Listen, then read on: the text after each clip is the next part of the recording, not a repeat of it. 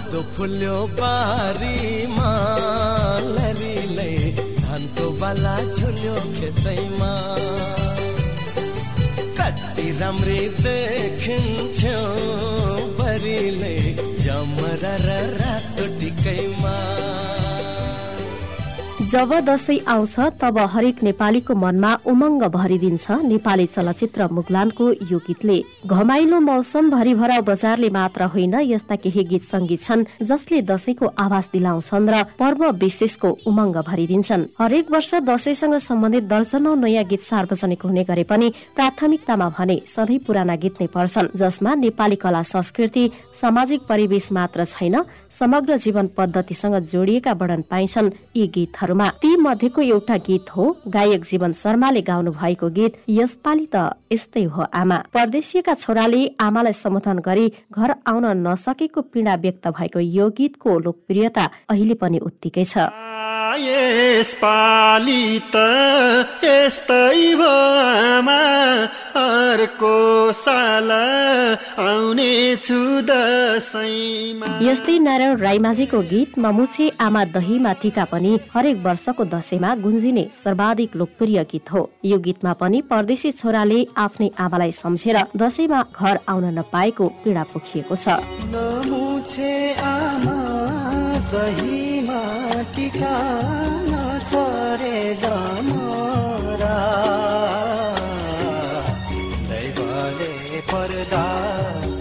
उठायो आमा आउँदिन फर्केरा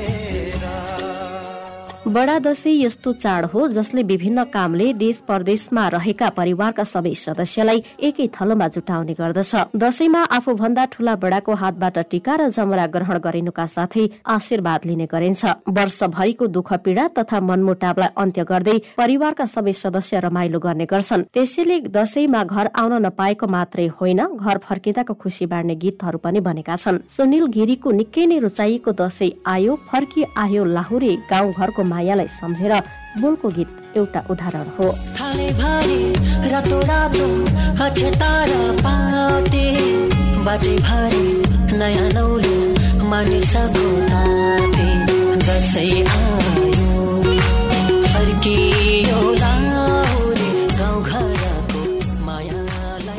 त्यस्तै योगेश्वर अमात्यले गाउनु भएको दशैं नै हो कि यो मेरो दशा गीतलाई भुल्न सकिन्न। हुने खानेका लागि दशैं रमाइलो होला तर गरिब दुखीका लागि दशा बनिरहेको हुन्छ। गायक अमात्यको गीतले त्यसैलाई चित्रित गरेको छ। दसैँ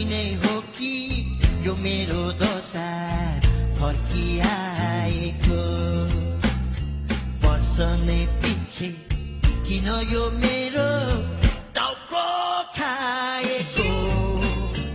यस वर्षको दशैं आउनु अघि मात्रै सार्वजनिक भएको विष्णु माझीको दशैं तिहार आइसक्यो बोलको गीत अहिले निकै लोकप्रिय बनेको छ। यो गीतले पनि परदेशीलाई छिट्टै घर आउन आह्वान गरेको छ।